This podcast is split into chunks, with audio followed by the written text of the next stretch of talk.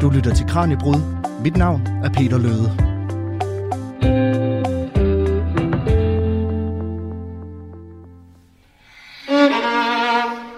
Vi starter lige med et lille stykke musik her.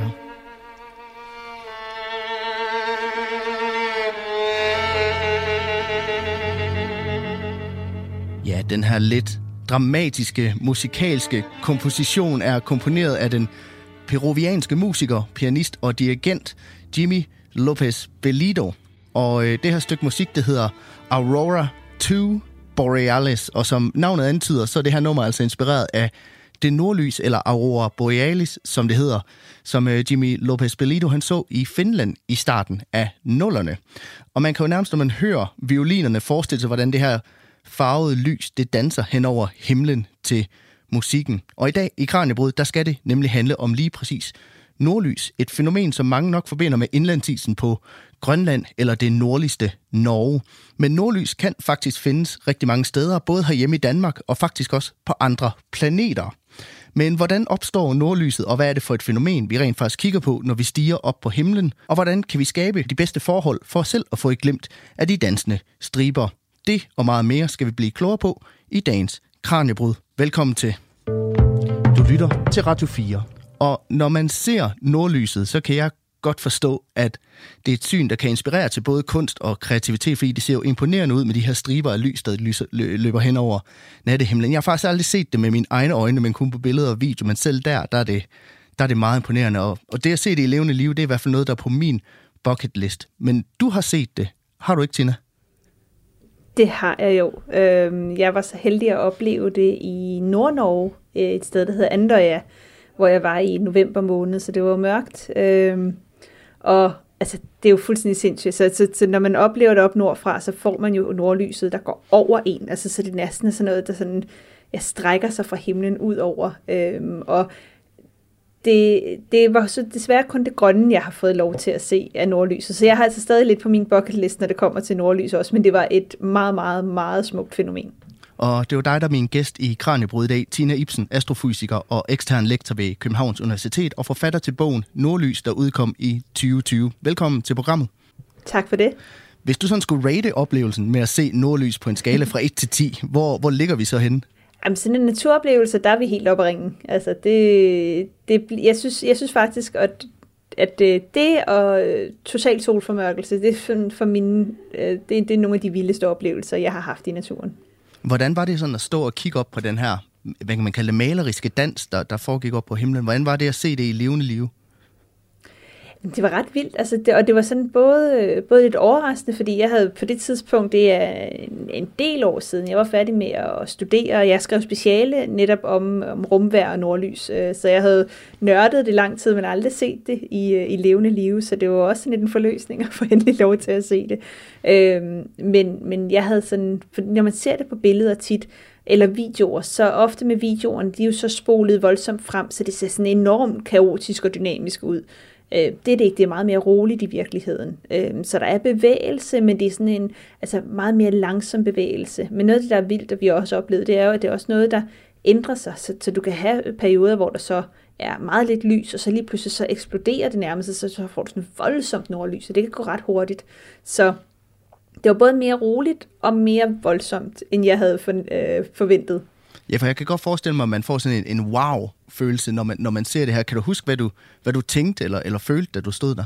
Jamen, jeg, jeg tænkte sådan, wow, okay, endelig, og så altså sådan, blev det jo også, altså, det var, det var koldt, det var november i Nordnorge, så, øh, så det var noget med at sådan pakke sig godt ind, så det var sådan lidt, det er værd at stå og fryse for det her, det, jeg har ondt i min tær, det er okay, jeg bliver her uden time endnu. Øh, men også det her, men det var rigtig svært at få blikket væk, altså, og, det, og det var sådan noget... Øh, Jamen det var sådan en, en rolig, altså lidt som når man sidder og kigger på en mørk nattehimmel, ikke? så man havde det, men alligevel så foregik der mere, så det var sådan en, en ro, men, men faktisk også, altså nu modsiger jeg mig selv fuldstændig i alt, hvad jeg siger her, sådan en, men en uro, fordi at, at det, jeg ville jo gerne se det hele, og det var sådan, åh oh, det er i nat, og det er, måske går der mange år før jeg ser det igen, så, så, så jeg, skal, jeg skal virkelig bare have det her som en, en fed oplevelse. Ikke? Så det var virkelig en once in a lifetime experience?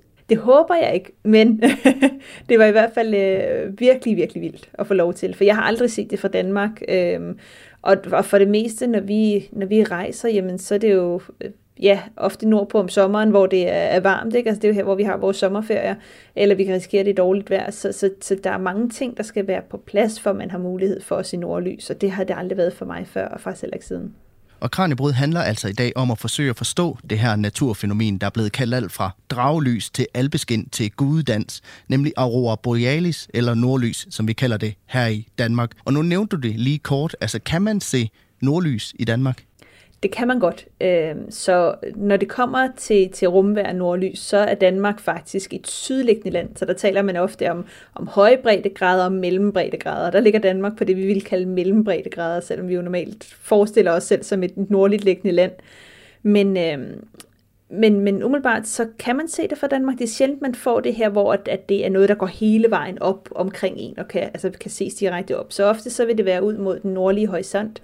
Øh, og så er det selvfølgelig jo nordligere i Danmark. men man er, hvis man bor i Skagen, kunne jeg forestille mig, øh, man har set det mange gange, eller Nordsjælland eller Nordfyn, øh, og kan kigge ud over vandet, så, så er der gode muligheder for at se nordlys, og også lidt oftere, end, øh, end man kan. Øh, så herinde i København, hvor jeg bor, det, som alt andet, der er det bare ikke et særligt fedt sted at, at se nogle naturfænomener på himlen. Og nu er det jo snart jævndøgn her den 23. september. Hvorfor er det et ideelt tidspunkt at se nordlys på? Jamen det er sådan, at øh, her på jorden, der har vi vores magnetfelt. Det er sådan et dipolmagnetfelt, der kredser rundt om hele jorden. Øhm, og når vi har jævndøgn, så er det sådan, og, og man, det har faktisk været lidt overraskende, og man er ikke helt 100% sikker for, hvorfor, men det, det virker som om, det er noget i forhold til den måde, jorden vender på i forhold til solen. Altså vi, er, vi, vi sådan vender lidt mere øh, ret op og ned, når vi har jævndøgn, både forårsjævndøgn og efterårsjævndøgn, som det, det bliver her den 23. september. Øhm, der er et eller andet i den vinkel nok i forhold til solen, der gør, at vi er mere modtagelige fra de her partikler fra solen, som er det, der, der skaber nordlys. Øhm, og derfor så, øh, så, så ser vi bare en, en højere forstyrrelse af vores atmosfære og endnu mere nordlys. Så man har lavet sådan nogle, nogle undersøgelser, sagt, er det fordi, der sker mere på solen, hvor det her hele kommer fra, eller hvad, hvad er det, der gør, at omkring jævndøgn oplever vi bare mere nordlys? Og man tror simpelthen, det er den her vinkel af jorden i forhold til solen, som gør, at vi er lidt, lidt svagere stillet i forhold til solen, og derfor også øh, ser noget mere nordlys. Og nu nævnte du det her med, at det, øh, det er jo nok typisk i det nordlige Danmark, man kan se nordlys herhjemme. Men altså, hvor skal man tage hen, hvis man gerne vil se nordlys her den 23. Ja, vi kan ikke love, at der kommer nordlys. Øh, så, så det er sådan i perioden omkring, øh, hvor der er lidt bedre. Så, så for det første skal man, det første, man skal gøre, det er altså at kigge på vejrudsigten. Fordi hvis det er skyet, så kan der være nok så meget nordlys, men det ligger over skyerne, så, så er der ikke noget at se. Så vi skal gerne have klart vejr. Øh, så det er den første. Og så ellers så er det komme ud fra byerne. Øh, der findes forskellige steder, hvor man kan tjekke, om der er nordlys. Der er forskellige apps. Jeg bruger selv en hjemmeside, der hedder spaceweather.com til at se, hvad, hvad mulighederne er. Så lige forhøre sig. Skriv til mig, det kan man også gøre. Øh, forhøre sig om mulighederne for, for nordlys. Øh, og så selvfølgelig tage ud et sted, hvor det er mørkt. Øh, jo nordligere, jo bedre. Men i hvert fald skal man have frit udsyn og ikke nogen byer mod nord, der hvor man kigger. Så midt i en skov er altså heller ikke godt, fordi du skal gerne kunne se den, den nordlige horisont. Og det er simpelthen på grund af lysforurening, at man skal, man skal så langt væk fra byen som muligt? Ja, præcis. Fordi at, at hvis man har lidt svagt nordlys, jamen, øh, så kan man simpelthen ikke se det, fordi at, øh, at byens lys simpelthen øh, ja, overskinner det.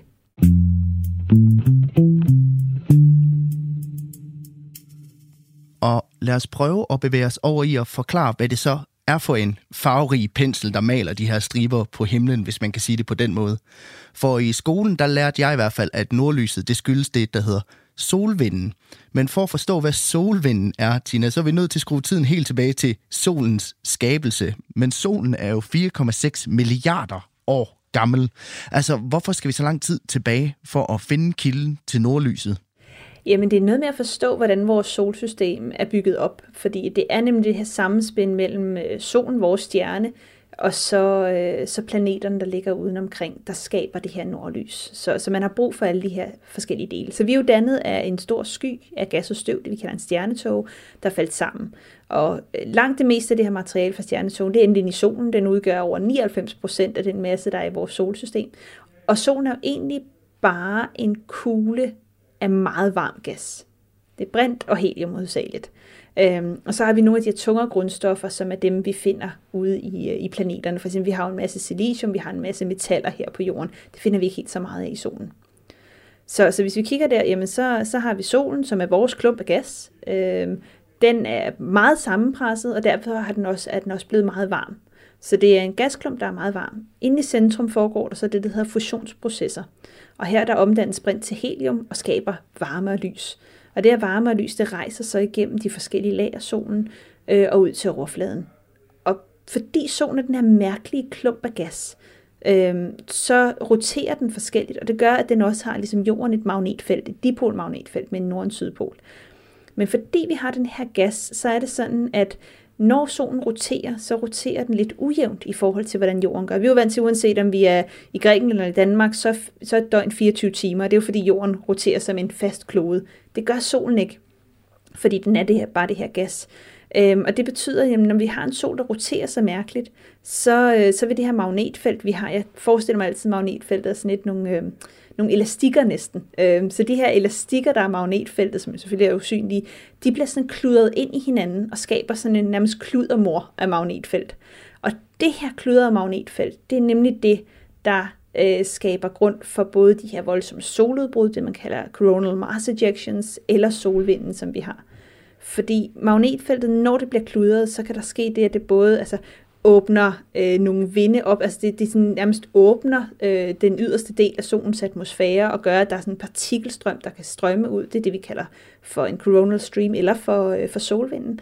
Øh, men man kan også have områder, hvor at, øh, at det her magnetfelt bliver så kludret, at det sådan nærmest knækker over og sendes ud som sådan en voldsom soludbrud. Så, så det her materiale, der sendes ud fra solen, det er gas, der er brand, brand, brand varmt. Og det bevæger sig jo så ud gennem solsystemet, og det er jo så det, der, øh, der skaber både solvinden og de her øh, solstorme, som vi har.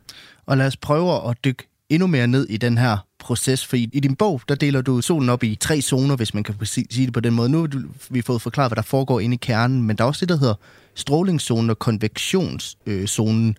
Mm. Hvad, hvilken rolle spiller de to? Jamen, hvis vi kigger på, altså det, de har fået navnet alt efter den måde, de transporterer energi på. Så vi har de her fusionsprocesser, der sker inde i solen. Øh, det skaber noget energi, og den her energi skal så ud af solen. På en måde. Det er det, der, der får solen til at lyse. Så det første, det er, at de skal igennem strålingszonen. Og strålingszonen er stadig meget varm og meget tæt, men der bliver ikke dannet noget energi der, så der er bare energi, der rejser igennem. Og det, der sker, det er, fordi gassen i strålingszonen ligger meget tæt, så det her energi, der kommer inden fra centrum, det bliver med at brage ind i den her gas. Så det laver det, vi faktisk kalder en fuldemandsgang ud gennem. Så det er sådan en, en lidt, uh, lidt, lidt funky tur, det har ud gennem vores, uh, vores strålingszone. Og, øh, og det tager i gennemsnit omkring 200.000 år for lyset at nå igennem den her zone. Så, øh, så det, det bliver dannet ind i midten, så det er 200.000 år at nå igennem. Og så kommer man så op til det yderste del af strålingszoner, der ændrer den måde, hvor man transporterer energi bedst på, til at være konvektion i stedet for stråling. Og konvektion kender vi fra, hvis man koger vand eller risengrød på en, øh, på en kogeplade. Øhm, der varmer det op i bunden, og så stiger det her varme materiale op. Øhm, og fordi solen er så varm, så er det faktisk sådan, at det er, det er en varm gas, men det er faktisk det, der hedder en plasma, som er en super varm gas. Og det der med plasma, det er, at det opfører sig som en væske. Så det er faktisk en gas, der opfører sig som en væske. Så man skal forestille sig, at de yderste lag af solen står nærmest og koger øh, og sender noget materiale op. Det tager et par måneder for, for det her materiale, og, eller for den her energi, at komme op gennem konvektionszonen, ud til den yderste del, som hedder fotosfæren, øh, som er den del af solen, vi umiddelbart kan se med et blåt øje, så skinner det ud, og så tager det 8 minutter for det her lys at nå fra solens overflade, og de er 150 millioner kilometer ned til jorden. Men det er altså i snit godt 200.000 år gammelt lys, vi kigger på. Og så er der jo de her soludbrud. Altså, hvor opstår de så i den her proces, og hvad er deres relation til, til nordlyset? Jamen, når vi, øh, når vi så har det her materiale, der, der sendes ud, så, øh, så har vi øh, for det første noget energi, der, der, der, sendes, øh, der sendes ud. Det, der sker, det er, når vi har, når vi har den her energitransportation, øh, eller øh, øh transportation, og vi, øh, vi har vores gas, der ligger og, og roterer langsomt og ujævnt, så det her magnetfelt, der bliver dannet, det begynder at opføre sig sådan lidt sjovt. Så det, der sker, det er, at øh, når vi har den her konvektion, der transportere energi, hvis vi har noget magnetfelt over konvektionen, som er kludret, så vil det faktisk stanse den her konvektionsproces. Og det vil sige, at vi kommer til at få nogle områder, hvor konvektionen ikke foregår mere, og den stanses. Det bliver så koldere i de her områder. Det danner så det, vi kalder for solpletter, så det er sådan mørke pletter på solen. Over de her solpletter vil der så være et meget kludret magnetfelt. Og det, der så kan ske, det er, at hvis det her magnetfelt kluder så meget sammen, så kan det nærmest knække over. Når det knækker over, så danner det en enorm energi, og den her energi sender så det her magnetfelt ud igennem de ydre lag, det der hedder kromosfæren og coronaen, som er de yderste lag af solens atmosfære, ud med en voldsom hastighed på op til 2.000 km i sekundet. Når det så sendes ud igennem, så vrider de øh, masser af materiale af fra både kromosfæren og coronaen fra solen. Det hiver det simpelthen med. Øhm, og det er det, man kalder for en coronal mass ejection. Øhm, så det vil sige, at alt det her gas, der ligger i de yderste lag af atmosfæren, det bliver revet med, og vi kan have altså millioner tons materiale, der bliver sendt ud med et enkelt soludbrud. Det bliver så sendt ud gennem solsystemet øh, med de her op til et par tusind kilometer i sekundet, og bevæger sig jo så ud øh, i den retning, det så er blevet sendt ud. Hvordan hænger det sammen med det, der hedder solar flares? Det, det er faktisk et rigtig godt spørgsmål, for man ved det ikke helt. Altså der, det er ofte, hvor hvis vi har det her magnetfelt, der kluder over, og så skaber den her energiudladning. Det er det, man kalder en solar flare. Og efter det, der får vi jo så den her altså mass ejection med simpelthen, der er materiale, der bliver blæst ud. Øh, men det er ikke sådan, at hver gang der er en solar flare, er der en coronal mass ejections, eller, eller vi kun kan have en coronal mass ejection, når vi har en solar flare. Så, så man er ikke helt sikker på, hvordan de to hænger sammen. Der er stadig noget viden, man mangler at få. Men der er helt sikkert noget, hvor, de, øh, hvor der er en forbundethed mellem de her to begivenheder. Og det er også der, hvor nu går, bruger vi alle de engelske ord. Det er fordi på dansk kalder vi begge ting for soludbrud. Så det er, sådan, det er bare lidt forskellige ting. Man taler enten om sådan et skarpt glimt af energi, der bliver sendt afsted, eller man taler om det her, de her mængder af partikler, der bliver smidt ud. Øh, så de hænger sammen, men helt præcis, øh, og man kan, hvordan, det, det er der stadig noget viden, man mangler at få. Så man kan sige, der hvor vi er i færden på vej til nordlysen nu, det er den her CME, den her Coronal Mass Ejection, den er altså på vej mod øh, jorden. Og lad os lige prøve at sætte den her solfærd lidt på pause og tage et skridt tilbage, for jeg ved ikke, Tina, om, om navnet Sofus Tromholdt, det siger der noget. Nej, ikke umiddelbart. Nej, men der er heller ikke så mange, der kender ham, og det er der faktisk en grund til, og det skal vi høre mere om lige om lidt. Til nye lyttere, så kan jeg fortælle, at du lytter til Kranjebrud, det daglige videnskabsprogram her på Radio 4, hvor det altså i dag handler om nordlys.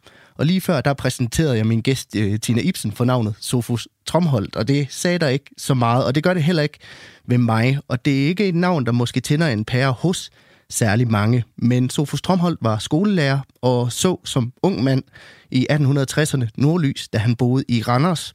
Dengang der var der ikke så meget lysforurening som i dag, så der kunne folk jævnligt se nordlys her i Danmark. Og fænomenet det fangede Sofus Tromholdt så meget, at han de følgende små 20 år udforskede nordlyset ret intensivt, selvom jobbet som skolelærer også skulle passes en gang imellem.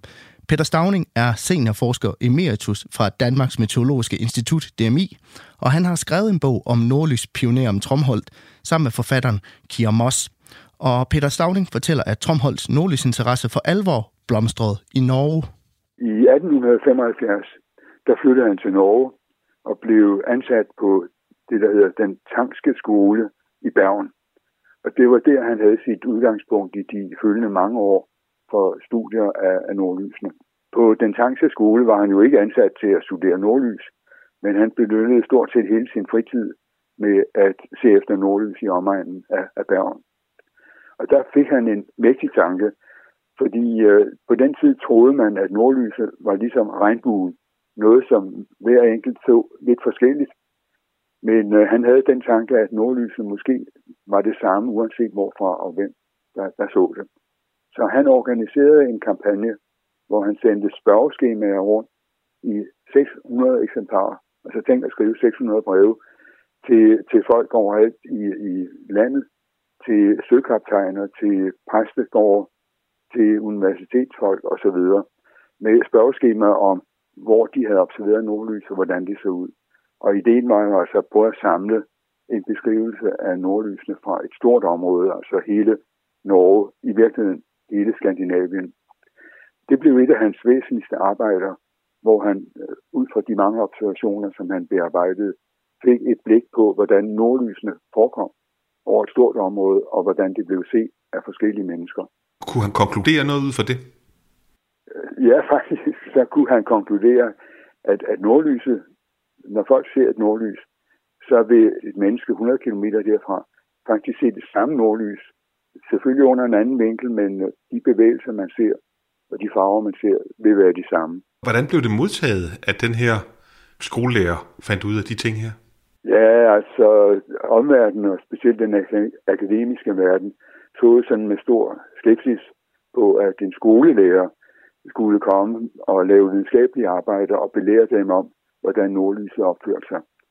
Det slog meget tydeligt igennem senere, da han etablerede sit eget observatorium. Han havde tænkt sig at være med til den, den norske indsats, uh, men uh, der blev han nærmest afvist, og nordmændene lavede deres eget observatorium i Bossekop, op, uh, et stykke op i Nordnorge.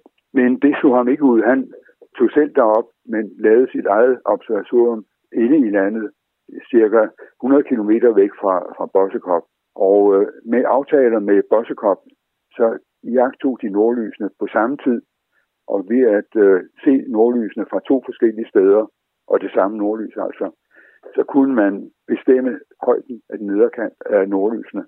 Og han lavede en række målinger, som kom frem til, at den nederkant øh, var i højder på 100-120 km. Og det var i skærende modstrid med de højder, som øh, den danske ekspedition til Godthåb havde opnået, som var nordlys helt ned til 600 meters højde, hvad der nu i vores dage ville blive betragtet som helt urealistisk. Men øh, Tomhold nåede altså frem til højdebestemmelser, som faktisk var meget mere de højdebestemmelser, som man 30 år senere med fotografisk teknik fik, fik lavet øh, i Norge.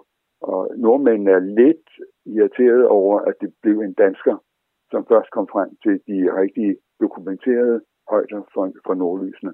Man blev Tromholdt anerkendt for det, når nu han var i konkurrence med det meteorologiske institut? Nej, øh, Tommer blev, blev miskendt for, for sine opdagelser eller for sine målinger af Meteorologisk Instituts direktør, Adam Poulsen som fastholdt sine egne målinger fra den tidligere ekspedition til, til Godthåb. Men i virkeligheden så viste det sig, at Sofus Tomholds øh, målinger, og specielt nordlyshøjdemålingerne, var de helt korrekte målinger, selvom han aldrig fik den anerkendelse, han skulle have for dem. Hvordan tog han så det, Tromholdt, at han ikke blev anerkendt? Ja, det, det går faktisk ikke så godt, fordi han efter de mange skuffelser og øh, mange anerkendelse, så blev han nok efterhånden en, øh, en, en lidt bitter mand, og han blev også øh, temmelig syg og døde sådan øh, ensom og syg. Det blev ham ikke til del, altså den anerkendelse, som han burde have haft og Sofus Tromholdt fandt ud af flere vigtige detaljer omkring nordlysene, understreger Peter Stavning, men dem, der blev nævnt undervejs i det her interview, det var nok de vigtigste fund. Det var min kollega Kasper Fris, der havde talt med Peter Stavning. Og Tina Ibsen, jeg kunne godt tænke mig at høre lidt om, nu har vi hørt lidt om, hvordan forskningen foregik tilbage i, i, i øh, Sofus Tromholds tid. Hvordan forsker man i nordlys den dag i dag? Jamen, der er lidt forskellige måder, man, øh, man gør det på. Så der er både fra, fra jorden, øh, som man har gjort i mange år, og så også ude fra rummet af. Så, så her på jorden, der har vi en masse magnetometre. Vi har blandt andet et, øh, et stående i øh, Brofelte Observatorium her i Danmark, og DTU Space, øh, hvor øh, jeg også øh, arbejdede med det her, øh, har en masse af de her magnetometre rundt omkring på, øh, på jorden, som de kigger efter. Det er jo her, hvor man kan måle påvirkningen af jordens magnetfelt, når vi bliver ramt af noget udefra. Så det er sådan der, hvor vi kan sige, hvad, hvordan påvirker det os direkte. Så er der også det her med at kigge på solen. Der er både nogle enkelte solteleskoper her på jorden, men faktisk er det bedst at bruge nogle, man sender ud op over vores atmosfære ud i rummet. Og der er en del solobservatorier, som ligger i det, der hedder øh, Lagrange punkt 1 eller L1, som er cirka øh, halvanden millioner kilometer tættere på solen end jorden. Så det ligger mellem jorden og solen halvanden millioner kilometer før, øh, før jorden. Øh, herude der har man øh, lige nu et øh, sindssygt godt solobservatorium, der hedder Solar Dynamics Observatory for NASA SDO, men man har også et gammelt lidt fra 90'erne, der hedder SOHO, der stadig fungerer. Og her der observerer man, altså der kigger man simpelthen på solen hele tiden, og man kigger på solen både i i øh, synligt lys, men man kigger også i mange ultraviolette bølgelængder, fordi der kan man faktisk se, ved det her ultraviolette lys, der kan man se de yderste atmosfærelag, øhm, og der kan man simpelthen se i magnetfeltet, hvor kludret det er, man kan se de her øh, coronal mass ejections direkte. Og så endelig har man en, et andet, en anden del, hvor man blandt andet her fra Europa har en øh, mission, der hedder Solar Orbiter, som lige nu kredser om solen tæt på. Øh, så man, man siger, at den skal ind og røre ved solen. Det gør den ikke helt rigtigt, men, men, øh, men det er simpelthen på at prøve at lave nogle, det man kalder in situ målinger. Så simpelthen målinger, hvor man er tæt på solen, så man måler det på stedet. Øhm, og der kan man blandt andet måle magnetfeltet, man kan måle, hvor tæt partiklerne er, man kan tage billeder, temperaturmåling osv. osv., osv. Så der er en masse af det også. Det foregår der også i L1, men som noget nyt, så har man altså sendt de her øhm, missioner ind tæt på solen, for at blive klogere på selve solen. Så det er ikke sådan en overvågning, som, som de andre er, det er mere sådan en, øh, vi vil gerne blive klogere på mission, som man har der. Så det er sådan de tre steder, jorden øh, i L1, og så tæt på solen. Og lad os så vende tilbage til det, som vi talte om før, nemlig hvordan nordlys opstår her på jorden. Du lytter til Radio 4. I dagens Kranjebrud-program, der er vi i gang med at blive klogere på fænomenet, der gemmer sig bag de lyde, du kan høre på den her optagelse.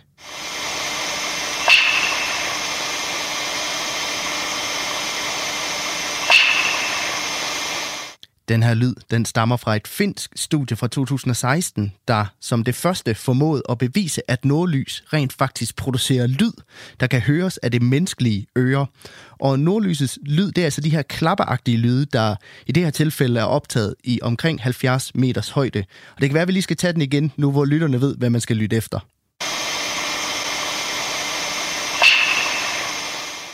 Min gæst i dagens program er Tina Ibsen, astrofysiker og ekstern lektor ved Københavns Universitet og forfatter til bogen Nordlys, der udkom i 2020.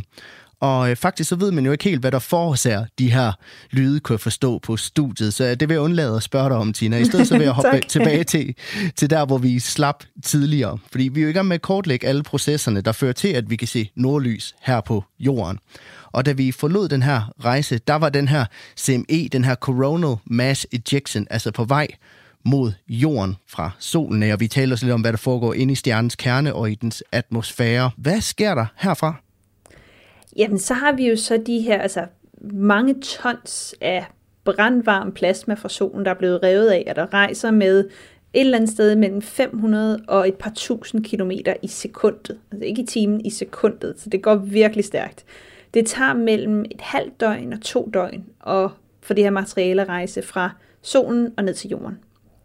Og det, der så sker, det er, at det er jo et magnetfelt, der bevæger sig. Så, så man plejer at beskrive det som sådan nogle... Øh, altså det er så nærmest sådan en cylinder af magnetfelt, hvor magnetfeltet bevæger sig enten med eller mod uret i den her cylinder. Det kan være begge veje. Det vi så har, det er jo, at vi har jorden, der også har et magnetfelt. Og normalt, hvis det bare rammer ind, jamen, så vil det bare sådan ligesom blive sådan deflektet på hver side af jorden, og sådan gå udenom og gå videre. Så oplever vi ikke noget. Det er ofte, hvis vi har et magnetfelt fra solen, der vender samme retning som jordens magnetfelt. Og her er det faktisk sådan lidt mærkeligt, fordi det er sådan, kigger vi på jordens magnetfelt, så et magnetfelt, der har en nord- og sydpol, der vil magnetfeltet altid rejse ud af Nordpolen og ind i Sydpolen. Men her på jorden lige nu, der er det faktisk sådan, at den magnetiske nordpol ligger på den geografiske sydpol, og den magnetiske sydpol ligger ved den geografiske nordpol. Så vi har faktisk... Jamen det er fordi, at øh, hver cirka 250.000 år, der vender magnetfeltet øh, ind i jordens kerne. Og man er stadig ved at forstå, hvorfor, men det er den her, man mener, den her dynamo-effekt, der ligger mellem den faste og den flydende kerne, som vi har på solen, eller på, øh, på jorden. Øh, så lige nu, så er altså den magnetiske nordpol er sydpå, og den magnetiske sydpol er nordpå.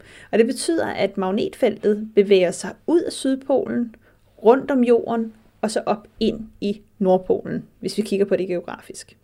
Så vi har altså et magnetfelt, der vender nord. Hvis vi så har et magnetfelt fra solen, der kommer og har en sydlig retning, så kan der ske det, at det, der vender nord, og det, der vender syd, går ind og rammer hinanden. Og det, der så sker, det er, at de laver det, der hedder en magnetic reconnection, altså de de smelter sammen, og så åbner det faktisk vores magnetfelt op. Når det åbnes op, så vil noget af det her materiale fra solen, det her brandvarme øh, materiale fra, fra coronaen, det vil rejse langs magnetfelterne og ramme ind i Nordpolen og ramme ind i Sydpolen. Og når det så rammer ind, jamen så rammer det så ind i vores atmosfære. Det brager ind i den her gas, der er i vores atmosfære, og det får gassen i vores atmosfære til at lyse, og der har vi nordlys. Og hvad er det for en reaktion, der, der sker der? Hvad er det, der sker med plasmaen? Jamen, så vi, vi har jo det her brandvarme plasma, øh, og det der sker, det er, at det kan gå ind øh, og ramme øh, de her atomer, der ligger i vores atmosfære. Det, der kan ske, det er, at jamen, det her energi, det går ind og rammer øh, atomerne. Elektronerne, der ligger udenom atomkernen, de bliver så øh, sendt ud i det, man hedder det, en større orbital, øh, så det får mere energi. Det kan det ikke lide at have, så det sender det her energi ud igen, og så hopper elektronerne ned i, i en lavere øh, bane. Og den her, det her, der så bliver sendt ud, øh, det er jo så det, vi ser som nordlys. Og grunden til, at vi ser særlige farver, det er fordi, at alle øh, grundstoffer har særlige farver, de lyser med. Øh, og, og det, det er derfor, at, øh, at, at vi har den her enten grønne, eller røde, eller den her violet-blå, man kan have også. Hvad afgør så i et, et givet tilfælde, om det er lys og rødt, blåt eller, eller grønt? Det kommer lidt an på, hvad det rammer. Så, så vi skal have sådan en, en, øh, en sammenhæng mellem både, der skal være meget materiale, øh, og at, øh, at, at det, skal ligge, altså det skal ligge tæt, og det skal ligge højt. Fordi det er jo sådan, det her stråling kommer oppefra og går ned. Øhm, og der, hvor man siger, vi når lige den her, det her sweet spot mellem, at der er noget, der er meget tæt og stadig ligger nordpå, det er ved den her højde fra cirka 90 til 120 km over jordens overflade, hvor vi har rigtig meget ilt, øh, og ilt lyser i den her grønne farve. Så det er sådan det er den mest normale. Hvis vi skal have noget, der ligger længere nede, øh, så skal vi have noget, der kan man sige, skal rejse igennem det grønne, og ikke, ikke blive braget af alt sammen. Og hvis vi skal have noget længere op, så skal vi også have noget, der er meget, meget kraftigt, så de få partikler, der ligger heroppe, begynder at lyse os. Og derfor så ser vi normalt det grønne, men hvis vi har haft en meget voldsom solstorm, bliver ramt af det, jamen så kan vi både se noget af det her øh, blå lyserøde, der ligger over, det blodrøde, der ligger længere op, eller sådan det, det helt sådan violette, der ligger meget langt oppe. Men der er jo også det, der hedder en geomagnetisk storm. Hvordan adskiller det sig så fra den her proces? Jamen det, det er faktisk, altså når vi ser nordlys, så har vi en geomagnetisk storm. Så man kan sige, når vi har en solstorm, der brager ind i jorden, øh, skaber nordlys, så får vi det, der hedder en geomagnetisk storm. Så det er sådan, det hænger lidt sammen. Ikke? Så vi har de her udbrud på solen, det rejser ud, øh, så rammer det øh, jorden, og så, så sætter det gang i en geomagnetisk storm. Og det vi faktisk kan se, når vi kan måle de her geomagnetiske storme, fordi vi jo lige pludselig har haft et magnetfelt, der vender den modsatte retning end jordens magnetfelt, så kan vi faktisk måle på de her magnetometre på jorden, at den generelle retning for jordens magnetfelt ændrer retning, når vi er udsat for sådan en geomagnetisk storm, og det er der, det får sit navn fra. Men jeg har jo også hørt de her solstorme og geomagnetiske storme øh, omtalt som et potentielt problem og en trussel for os her på jorden. Hvad ligger der i det? Ja, altså det er ikke sådan direkte farligt for os mennesker, altså på vores krop. Øh, det kan være farligt for vores samfund, hvis man kan sige det sådan, fordi øh, det vi har kunne se, det er, at øh, hvis vi har øh, elektriske ledninger, noget der er magnetisk, noget der er elektrisk, så vil det gå ind og blive påvirket af det, sådan en geomagnetisk storm. Og særligt nordpå har man øh, før i tiden haft øh, meget, meget lange både telegraflinjer, men også øh, elmaster. Og hvis man har de her meget lange elmaster, så når vi har de her ladede partikler fra solen, der kommer ind, så kan det faktisk skabe det, der hedder en induceret strøm. Så det skaber en voldsom strøm i de her ledninger, der, der ligger. Når det her strøm så når til de her transformatorer, så vil det være alt for voldsomt. Det er for de her transformatorer til fuldstændig at bryde brand eller nedsmelte. Og det kan jo så skabe sådan nogle store blackouts øh, rundt omkring, og det så man blandt andet i Quebec i øh, 1989 det er forholdsvis simpelt. Hvis man laver kortere ledninger, er det ikke så stort et problem, så, så man kan modvirke de her ting. Men siden 1989, der har vi jo så gjort det, at vi har rykket rigtig meget af vores infrastruktur ud i rummet. Så det ligger i satellitter nu med kommunikationssatellitter, GPS-satellitter osv. Og det er noget, der ligger, der har vi jo sendt elektronik uden for vores magnetfelt i nogle tilfælde. Øhm, og her kan man også gå ind og få induceret en strøm, kan skabe, det kan simpelthen ødelægge nogle forskellige satellitter.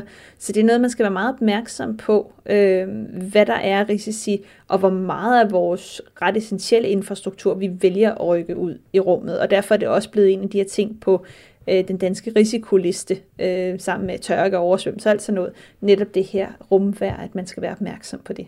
Så udover at nordlyset jo er smukt, så kan man også se det lidt som et varselstegn på, at jorden simpelthen er under angreb, så at sige.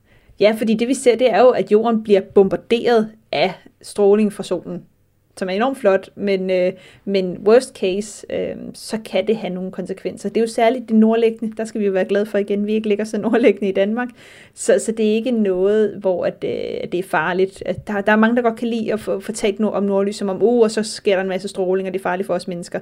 Men det har jo været her altid, så man kan sige, hvis, hvis det var noget, der var farligt for os mennesker, så var vi jo aldrig blevet udviklet, så der ikke været liv på jorden. Så der har vi altså vores magnetfelt, der beskytter os mod langt det meste, og en gang imellem, så, øh, så sker der lidt revner i det, og så, øh, så får vi lov både at se nordlys, men skal også lige være lidt opmærksomme på vores teknologiske samfund. Og om lidt, så skal vi tale om nordlys, ikke kun her på jorden, men også på andre planeter. Men inden da, så skal vi vende tilbage til Peter Stavning, som vi hørte lidt fra tidligere. For det er nemlig ikke kun forskeren Sofus Tromholdt, der er gået i glemmebogen, når det kommer til nordlyset herhjemme. For lige om lidt, så skal vi høre om en af de danskere, der som de første afbildede nordlyset. Du lytter til Radio 4. Med nutidens mobilkamera, der kan de fleste tage et relativt hederligt billede af nordlys, hvis man befinder sig i et område, hvor lysene de spiller hen over himlen. Men man skal ikke mange år tilbage, før det var ganske vanskeligt. Og hvis vi går mere end 100 år tilbage, så var kameraerne slet ikke egnet til at fange det her lysspil på himlen. Peter Stavning har i godt 60 år forsket i geomagnetisme og jordens magnetfelt, og er i dag seniorforsker emeritus fra DMI. Og han har skrevet en bog om maleren Harald Molke. Da han deltog i en ekspedition til Island, der var han nemlig en af de første til at male nordlys på en naturtro måde, fortæller Peter Stavning. På Danmarks Meteorologiske Institut, øh, DMI som vi kalder nu om dagen, der havde man en forsker som direktør, Adam Poulsen. Og han havde en fantastisk interesse for nordlys og interesse for nordlysens sammenhæng med øh, det geomagnetiske felt, altså jordens magnetfelt. Han, hans drøm, det var at lave en ekspedition til et område, hvor man kunne se nordlysene, og hvor man også kunne måle på de virkninger, som kom på jordens magnetfelt samtidig med nordlysene. Nu på den side, og nu taler vi om en ekspedition, som startede i 1899, varede til 1900. Til den ekspedition, der havde han brug for noget til at gengive nordlysene. Og på den tid, altså 1899, der havde man jo ikke farveoptagelser, fotografiske farveoptagelser. Så hvis man skulle gengive nordlysene med de rigtige farver, så skulle man have en maler med, som kunne male farverne, og på den måde holde dem fast. Øh, så øh, Molde var netop uddannet og øh, var parat til at tage med på sådan en ekspedition med, sammen med Adam Poulsen. Hvor tog ekspeditionen hen? I begyndelsen, der var ekspeditionsmål, det var faktisk Grønland. Men på grund af problemer med vejr og isdannelse osv., så, videre, så ændrede man det til Aquarius. Og det skulle vise sig at være et heldigt valg, fordi netop Aquarius er glimrende til nordlysobservationer om vinteren på grund af stabil klima, pænt vejr. Nå, men øh, ekspeditionen tog afsted og indrettede en lille observationshytte øh, i Akureyri, og indrettede også en observationspost på toppen af et bjerg, Sulur, lige uden for Akureyri. Meningen var jo så, at øh, Molde skulle sidde oppe i observationsposten øh, og jagtage nordlysene. Og nu var det jo så i mørke, så derfor så kunne han jo ikke direkte male det, han så, men lavede nogle skitser og skrev op med sådan en øh, kulstift, hvad farver han så. Og så næste dag, så ville han tage sine skitser og noter om, om farverne og male det, han havde set.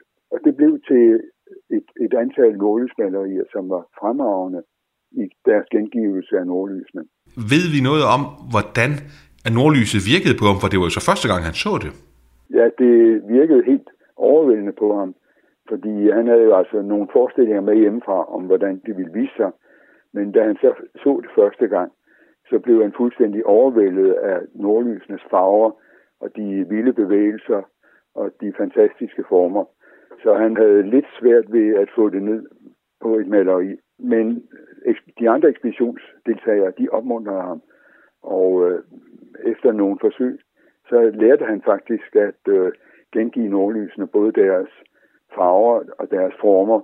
Og faktisk har man også et indtryk af, at man kan se bevægelsen i nordlyset ud fra hans malerier. Så det var for ham en fantastisk oplevelse, og for ekspeditionen en fantastisk gevinst. Mange kunstnere, der har set nordlys, de har jo også malet dem. Hvorfor tænker du, at Moltke er en helt særlig nordlysmaler? Ja, på det tidspunkt, der var de fleste gengivelser af nordlys, de var sådan ret stiliseret ud fra beretninger. Altså kunstnerne, der skulle male nordlysene, havde hørt om den, og ud fra øh, det, de hørte, malede de sådan en forestilling om nordlyset.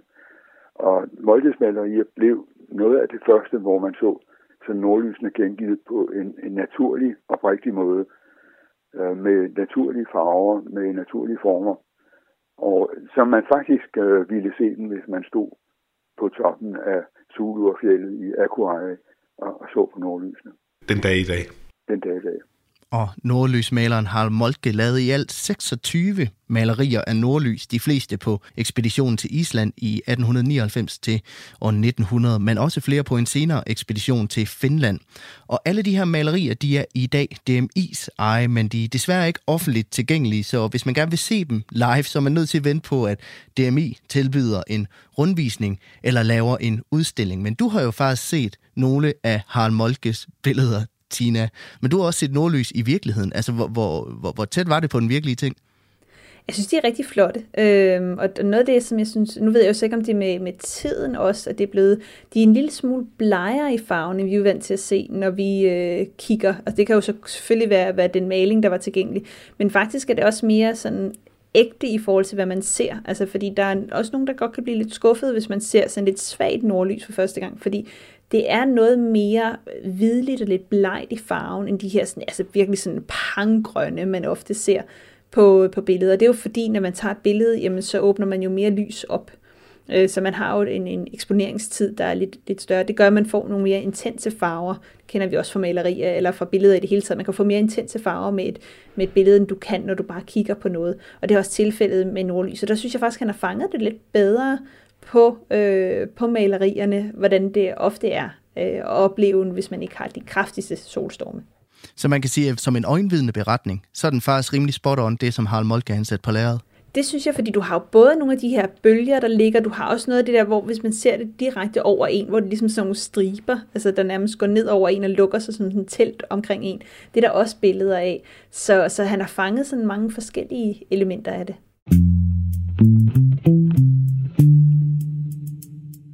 Du har tunet ind på Kranjebrud her på Radio 4, og dagens program handler om nordlys. Et fænomen, som vi har talt om, kan findes både i Norge og i Finland og andre steder op nordpå, men faktisk også herhjemme i Danmark, hvis man altså ved, hvor man skal lede, så at sige. Men et sted, hvor du faktisk også kan finde nordlys, det er på andre planeter. Dagens gæst i Kranjebrud er Tina Ibsen, astrofysiker og ekstern lektor ved Københavns Universitet. Og Tina, hvordan ved vi, at der er nordlys på andre planeter? Man har simpelthen taget billeder af det. Så, øh, så det, øh, man har målt det, man kunne tage billeder, når man alligevel har haft rumsonder ude ved andre planeter. Så, så det er herfra, at, øh, at man ved det. Man havde regnet med, at man ville finde det andre steder, fordi der er nogle af de samme øh, betingelser som her på jorden. Ikke? Men hvordan adskiller nordlyset sig på andre planeter så, så fra det, vi kender her på jorden? Jamen, hvis vi skal tage sådan planeterne en for en, jamen, så er den inderste planet i solsystemet, Merkur, øh, der mener man ikke umiddelbart, der er noget nordlys, for der er ikke rigtig nogen atmosfære heller. Øh, men der er helt klart et eller andet samspil mellem øh, Merkurs ret voldsomme magnetfelt og solen og de her solstorme, der kommer. Så der er ikke så meget. Venus har ikke rigtig nogen atmosfære, eller nogen, øh, noget øh, magnetfelt, der er heller ikke rigtig noget nordlys, man mener, der sker der. Men hvis vi så kommer til Mars, så begynder vi at se noget, der er sådan lidt funky, og måske ikke noget, man ville kalde nordlys som sådan. Det er måske mere aurora, øh, hvor det er et lys, der kommer fra, altså udefra. Man, kunne også, man kalder det også polarlys her, men det er jo fordi, det ligger omkring polerne. Det kan man heller ikke rigtig sige på Mars, fordi det her nordlys, man kan opleve på Mars, det er faktisk øh, i den retning, hvor solen ligger, der, øh, fordi der ikke er noget magnetfelt, så banker solvinden og de her øh, solstorme ind i Mars atmosfære, øhm, og får den nogle gange til at lyse sådan lidt mærkeligt. Øhm, så det, det er det, man ser på Mars. For Mars har jo heller ikke noget magnetfelt, som vi kender det her på jorden, og som vi har talt meget om, der spiller ind i det her med, med nordlys. H- mm. Hvad betyder det for nordlyset på Mars, eller polarlyset, hvis vi skal kalde det det?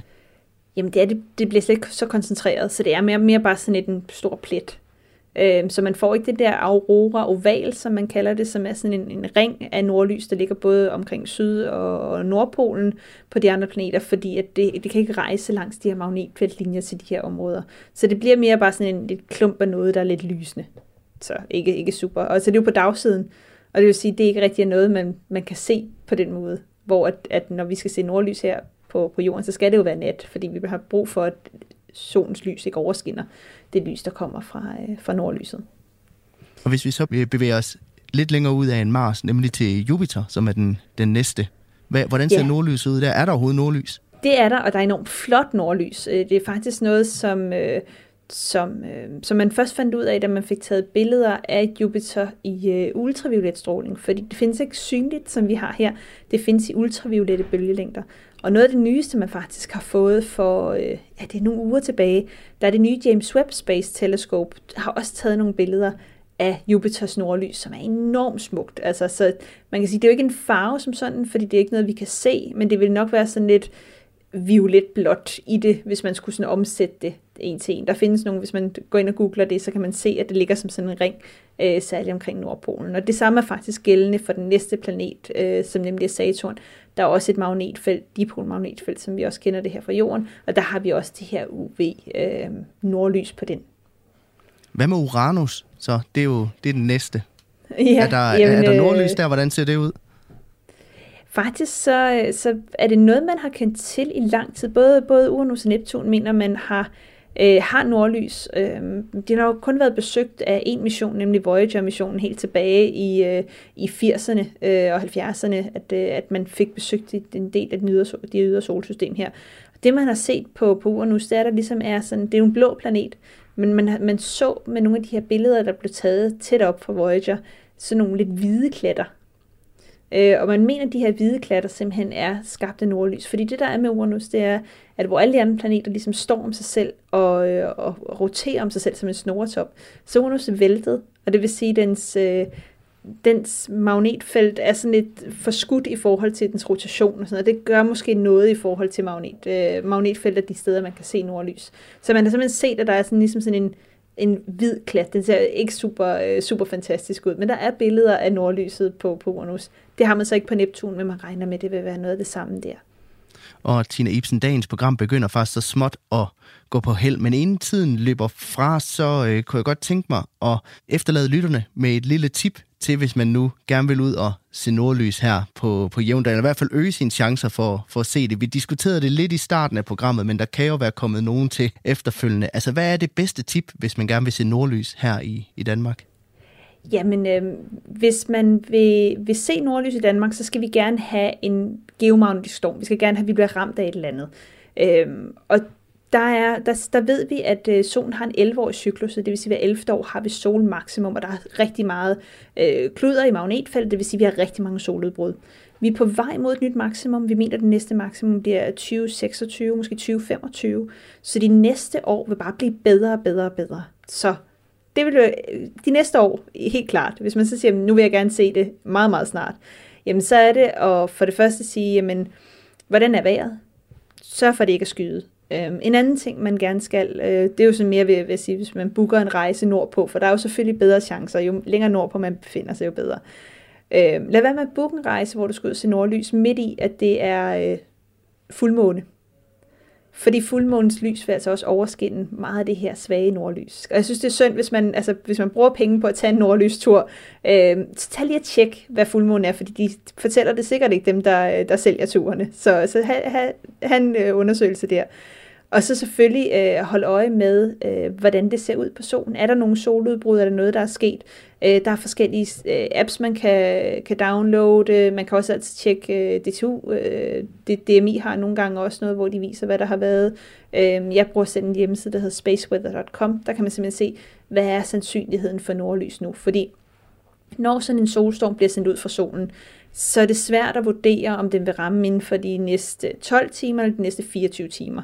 Så ofte er der sådan en halv døgn, hvor man siger, inden for det her tidspunkt er der en ret god chance for at se noget. Men, men det er ikke sådan, at man kan få en, der hedder, jamen nu kommer der til at være nordlys. Så man må også have lidt tålmodighed, gerne bruge noget tid, finde et sted, hvor det er for det meste klart og godt vejr. Øhm, og, øh, og så nordligt liggende, ingen, øh, ingen fuldmåne, og så noget tålmodighed og varmt tøj. Så hold både øje med vejret her på jorden, hold øje med vejret på solen, og så find dig et rigtig godt sted uden for meget lysforurening. Præcis. Det var alt, hvad vi havde på dagsordenen i dagens program af Kranjebrud. Med i studiet, der var Tina Ibsen, astrofysiker og ekstern lektor ved Københavns Universitet. Tusind tak, fordi du har lyst til at gæste studiet i dag. Selv tak. Du lytter til Radio 4. Og husk, at øh, du også kan finde alle de tidligere programmer som podcast på Radio 4's app, der kan hentes på både Google Play og App Store. Tusind tak, fordi at du lyttede med. Vi lyttes ved igen i morgen kl. 12.10 her på Radio 4. Programmet er produceret af Videnslyd for Radio 4.